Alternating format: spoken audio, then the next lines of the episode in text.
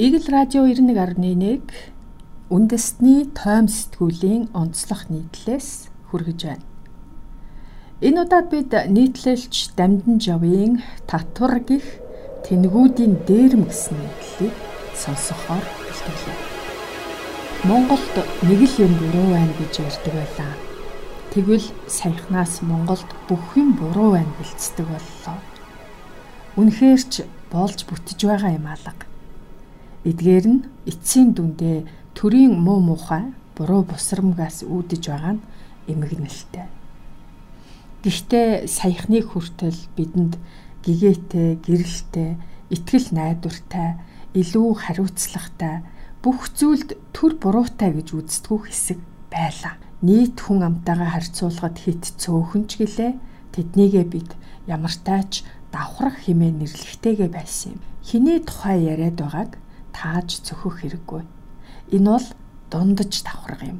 Дундаж давхраг бол нийгмийн гомдолж, гоншхондгүй, урвааж, уруу дорой царайлдгүй, бусдыг царайчилдгүй, урдах ажлаа хамгийн хариуцлагатайгаар хийдэг улс их орон эдийн засаг нийтийн оюун санаа ухамсарыг чирж явдаг тэр хэсэг. Альч нийгэмд ийм л байдаг. Тэд хит ядуу болон хит баян гих хоёр анги бий болохын эсрэг тогтворжуулагч гал хамгаалагчийн үүрэг гүйцэтгэхийн зэрэгцээ эдийн засгийн өсөлтийн гол зүтгүүр их сурвалж нь олсоор ирсэн юм. Дэлхийн хөгжилд хүрсэн орнуудын туршлагаас харахад дундаж давхрагдаал тулгуурлан өсч өндөөж урагшхүйдсэн байдаг. Эсвэргээрээ иргэний дайн, ядуурл, бослого өсвөлөн сүрэл төрсэн улсууд юун төрөнд дундаж давхаргаа устгаснаас хамгийн зовлон үүддэг нь зүү тогтол юм. Улс орны тусгаар тогтнол эрх чөлөөг булаахын тулд ч ялгалгүй дундаж давхаргыг нь л дугдайлахчвал зорсон хэрэгэн шуудардаг тал бий. Тийм учраас л дундаж давхаргыг хамгаалах улам нэмэгдүүлэх нь төр улсын тэргүүн бодлого байдаг ёстой. Анзаарвал өдгөө дэлхийн бүхэл улс гүрэн дундаж давхаргаа дэмжиж тэтгэх тухайд санааширч байхад харин манай улс дундаж давхрахгүй улс орн болохын төлөө улаар нь давшилж байгаа мэт дүр зураг тодрох боллоо. Арайч ийм ухаангүй мунхаг санаа зориг агуулаагүй байлгүй гэж итгэхийг хүсвч бүх тогтолцоо бодлого шийдвэр нь Монголын дундаж давхрыг устгахад чиглэж байна. Ард иргэдээ ядуу, тэнэг, амьдрах чадамжгүй байлгах хүсэл сонирхол төрийн эрх баригчид болоод санхүүгийн мэдлийг атгсан олигархуудад байгаа эсхийгч өгөөсөх аргагүй болоод байна. Нөхцөл байдал тийм үнэмшгэд хүргэж байна. Өнөөдөр дундаж давхрын өч төчнөөн залуус гадаад руу явж дөрвж байгааг бид мэдж байна. Олон тооны хуваарай бизнес эрхлэгчид дампуурч өчигдөр өөрийгөө дундаж амьдралтай орлоготой тооцож асан 100 100 залуус өнөөдөр ядуусын игнэн чилжиж байгааг гашуудалтайгаар харсаар л суун. Ядуусан тэднийг өөрсдөөс нь дээгүр аж төрөлтөө илүү мөнгөтэй явахт нь хорсож зүгтэг байснаа доошоо унаж уруудаад игнэнд нь ороод ирмэгц алга ташхин холгүй хүлээ авч байна. Нийгмийн сэтгэл зүйн хүртэл ингэтлээ унчлаа. Өөрөөсөө илүү мөнгө олж байгаа бүхнийг хорсдог нүдтэй боллоо бид. Өөрөөс нь илүү ажиллаж, хөдөлмөрлөж байгаа хүнийг нүд үзүүрэлдэг дайснаа хэмээн үздэг хонзонт зөрхтэй боллоо бид. Гэтэл үнэндээ улс орн маань дундаж давхраг гэж нэрийдсэн тэр цөөхий нуруунд дээр л амьд тээж явна. Дундаж давхраг том байх тусмаа боловсрал, эрүүл мэнд зэрэг нийгмийн үйлчилгээ хүртээмжтэй төр засгийн албан тушаалтнуудын авилга хээл хахуул хүртэл бага байдаг ёстой. Одоо харин Монголд дундаж давхаргын амийг тасалж нэг хэсэг нь хит баяцсан олигарх бүлэглэл тэдгээрийн гар хөл болсон албан тушаалтнууд нөгөө хэсэг нь хит ядуурч доройтсон халамж тусламжаас өөрөөр амьдрах аргагүй болсон ядуус гэсэн хоёр л давхарга үлдэх нь байна.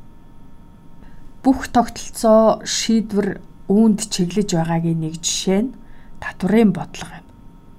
Ирэх баригчид сонгуульд ялахдаа татвар нэмэхгүй гэсэн амлалтыг өгсөн боловч сонгуулаас хойш нэгэн жилийн дотор хүн амын орлогын албан татвар өмнөх оныхоос 19 хувиар өсөд байна.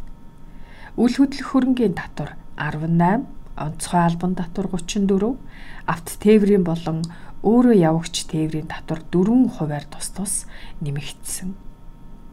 Ингээд зогсох байхаа гэтэл зогссонгүй 2021-ээс 2022 онд хүн амын орлогын албан татвар дахиад л 14.6%, хөрөнгийн албан татвар 21.5%, нэмэгдсэн өртгийн албан татвар 22.7%, онцгой албан татвар 28.8%, гайлын албан татвар 15.7%-аар нэмэгдлээ.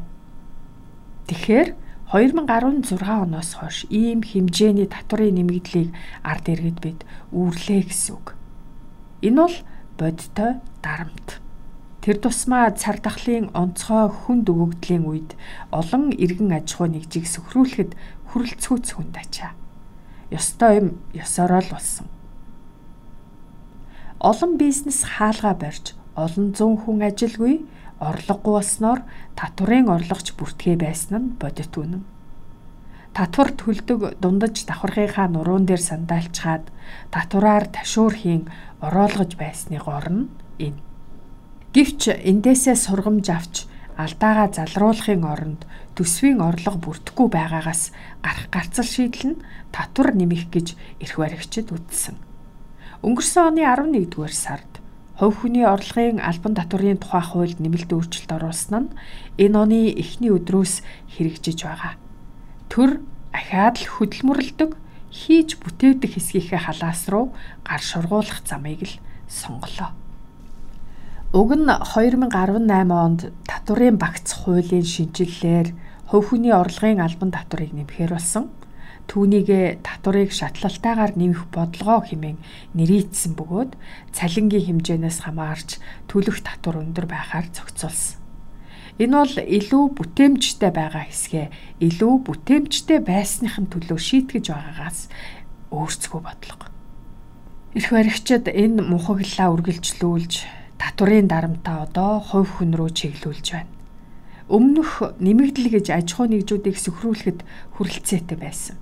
Харин энэ өөрчлөлт ажилтай, орлоготой, илүү бүтээмжтэй эсвэл давхар ажил хийдэг хувь хүмүүсийг сөхрүүлэх болно. Татварын уг буруу бодлогын үр дүнд маш олон залуус хийж бүтээх хүсэл зоригоо төрдөө дээрэмдүүлнэ л гэсэн үг. Давхар ажил эрхлэх, нэмэлт царилан горлох, цаашлаад өмчтөө байх эрхээ хүртэл хазаарлуулахад хүрч байна. Хийж бүтээж байгаа цөөхөн хүмүүсээ бүрэн сөхрүүлэх ийм бодлого Монголд хэрэггүй. Энэ хуулаа яаралтай буцаан татах хэрэгтэй байна. Монголын дундаж давхаргын нуруун дээр дан ганц татвар гих ачаа хуралддгийм биш. Татварыг дагсан баахан торгуул, алданг, сүрдүүлэг, авилга мөн нэмэгддэг юм л бол торгоно гэж дайрдаг энэ төрийн үед дундаж давхаргийнханд маань үнэхээр толгоо өндих боломж олдохгүй нэ. Орлогод нь өндөр хувийн татвар оногдуулаа зогсохгүй эзэмшиж байгаа үл хөдлөх хөрөнгөнд нь татвар ногдуулж эхэллээ. Шинээр мөрдөж байгаа хуульд 3 ба түүнээс дээш орон сууц өмчлөдөг иргэд 3 дахь орон сууцсандаа 0.6-аас 1% албан татвар жил тутам төлөхөөр заалаа. Хуульд Үл хөдлөх хөрөнгө нь хамтран өмчлөгчтэй бол татвар ноогдуулалтыг хувь тэнцвүүлэх буюу хамтран өмчлөгч нарын тоонд хуваасан байдлаар төлнө гэж заажээ. Замын цагдаа нар нь зөвхөн машин унаатай, ажил албатай, дундаж давхаргийнхныг онилон торгох аян зохион байгуулж байна. Зөвхөн авто зам дээрх торгуулаар жилд 19.6 тэрбум төгрөг төвлөрүүлэх үүрэг даалгаврыг тэд авдгийм байна. Харин тэдний гол байна хизээч ядуус эсвэл нийгмийн дээд давхарга байдгүй нь ачлантай. Тэрхүү 19.6 тэрбумыг мөнөөхөл дундаж давхаргийнх нь л халааснасаа гаргаж өгч байгаа гэд ботхоор энэ дээрмийн хохирогч хэн болох нь тодорхой байна. Одоо удахгүй автомашины хэрэглээтэй холбоотой зөксөөлын төлбөр хураамжийг бүсчилсэн хэлбрээр мөн л ялгамжтайгаар нэмэгдүүлэхээр зэхэж байна. Хиний халаасыг тэмтэрч нэмгэлэх нь л нэн ойлгомжтой Улсын хурлын дарга занд нь шатар нийслэлтийн авто замын төвжрэл түүний сөрөг нөлөөллийг бууруулах тухай тусгаалсан хуулийг удахгүй батлна. Тансаг зэрэглэл тооцох автомашин, байр орон сууц нь ердийн хэрэглээнийхээс өндөр татвартай байна. Хотын төвийн үнэтэй байрны үл хөдлөлийн татварыг нэмэгдүүлнэ. Энэ нь нийт хүн амд татварын дарамт учруулахгүй. Зөвхөн өндөр орлоготой иргэд рүү чиглэнэ гэж ярьсан. Эндээс нөгөө л мөнгөтэй, орлоготой, илүү дөмгөхөн амьдарч байгаа хэсгээ саах, санаархал нэвт үнэртэж байх жишээтэй. Ийм л байна. Эцэст нь асууя. Бидний зорилго нийтээрээ ядуурах эсвэл хин нэг нь хизээч илүү орлого олохгүй байх тийм нийгэм журмыг цогцлоох уу? Зөвхөн төрийн албан тушаалтнууд баян тарган байж болдог. Бусд нь энэ чацуухан ядуу тэгш тэнцүүхэн дорой буура байх дарангууллын тогтолцоо юу. Бид мэдээж үүнийг хүсэхгүй. Гэвч хүсээгүй замдаа хэдийн хөл тавьсан байна. Хөл тавиад зогсохгүй бүр хөл нийлүүлэн алхацгааж эхэлж байна. Тэгвэл бид туугдж яваа болоод биш. Цөмөөрөө яг одоо зогсоод энэ нийгэм журмыг сөрж алхах хэрэгтэй татвараар ташуурдж байгаа эрх баригчдын эсрэг хүсэхгүй байна гэж хэлэх хэрэгтэй. Яагаад эднэр дундаж давхрагдаа ингэж хайргүй, хайхрамжгүй хандна вэ? Хариулт нь ийм. Тэдний хувьд дундаж давхраг бол аюул занал. Ажилтай, орлоготой, чадaltaй, ухаантай хүмүүс л дундаж давхрагыг бүрдүүлдэг тул тэд мөнгөөр сонголтоо худалддаггүй хин хүссэнд нь тархиа угаалгахгүй бас захирагдахгүй. Ирэх баригчдын сонгуул өгцөн их хайр халамж тэдэнд хэрэггүй. Учир нь тэд өөрсдөө аж төрөх чадамжтай. Иргэд нь ядуу байх тусам ирэх баригчид завшдаг. Төдийгөөс өдий хүртэл зүтгэсэн хүмүүс нь ад үзэгдэж зүгээр суусан нь завшиж амьдрч болоод байдаг ийм л тогтолцоог тэд хүссэн хэрэг. Хүссэндээ ч хүрч явна. Бид тун удахгүй өрөндөө баригдсан Зимбабве, Того зэрэг улсын араас орох гэж байна.